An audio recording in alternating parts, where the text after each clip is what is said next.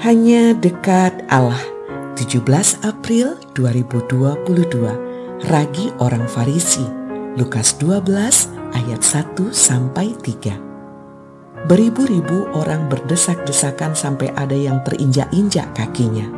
Sementara orang-orang itu berkerumun, Yesus berkata kepada pengikut-pengikutnya, Hati-hatilah terhadap ragi orang Farisi. Maksudku, kemunafikan mereka. Tidak ada yang tersembunyi yang tidak akan kelihatan, dan tidak ada yang dirahasiakan yang tidak akan dibongkar. Yang kalian katakan pada waktu malam akan terdengar waktu siang, dan yang kalian bisikkan di telinga orang di dalam kamar tertutup akan diumumkan seluas-luasnya. Yesus orang Nazaret sedang naik daun. Beribu-ribu berbondong-bondong mendengarkan ajarannya. Pada titik itulah Yesus berbicara soal ragi orang Farisi. Yang dimaksud dengan ragi adalah kemunafikan.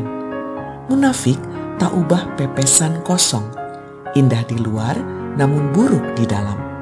Bagai peribahasa, tong kosong nyaring bunyinya. Mengapa berbahaya?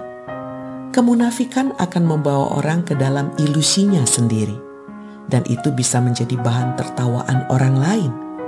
Ini menjadi masalah kalau orang tersebut berprofesi sebagai guru, motivator, juga pembawa acara, sebab memang tidak ada yang bisa disembunyikan selamanya. Semua akan terbuka dan terlihat, apalagi di dunia digital. Karena itu, sebagai orang-orang yang telah ditebus dalam kematian Kristus, tak perlu kita berpura-pura.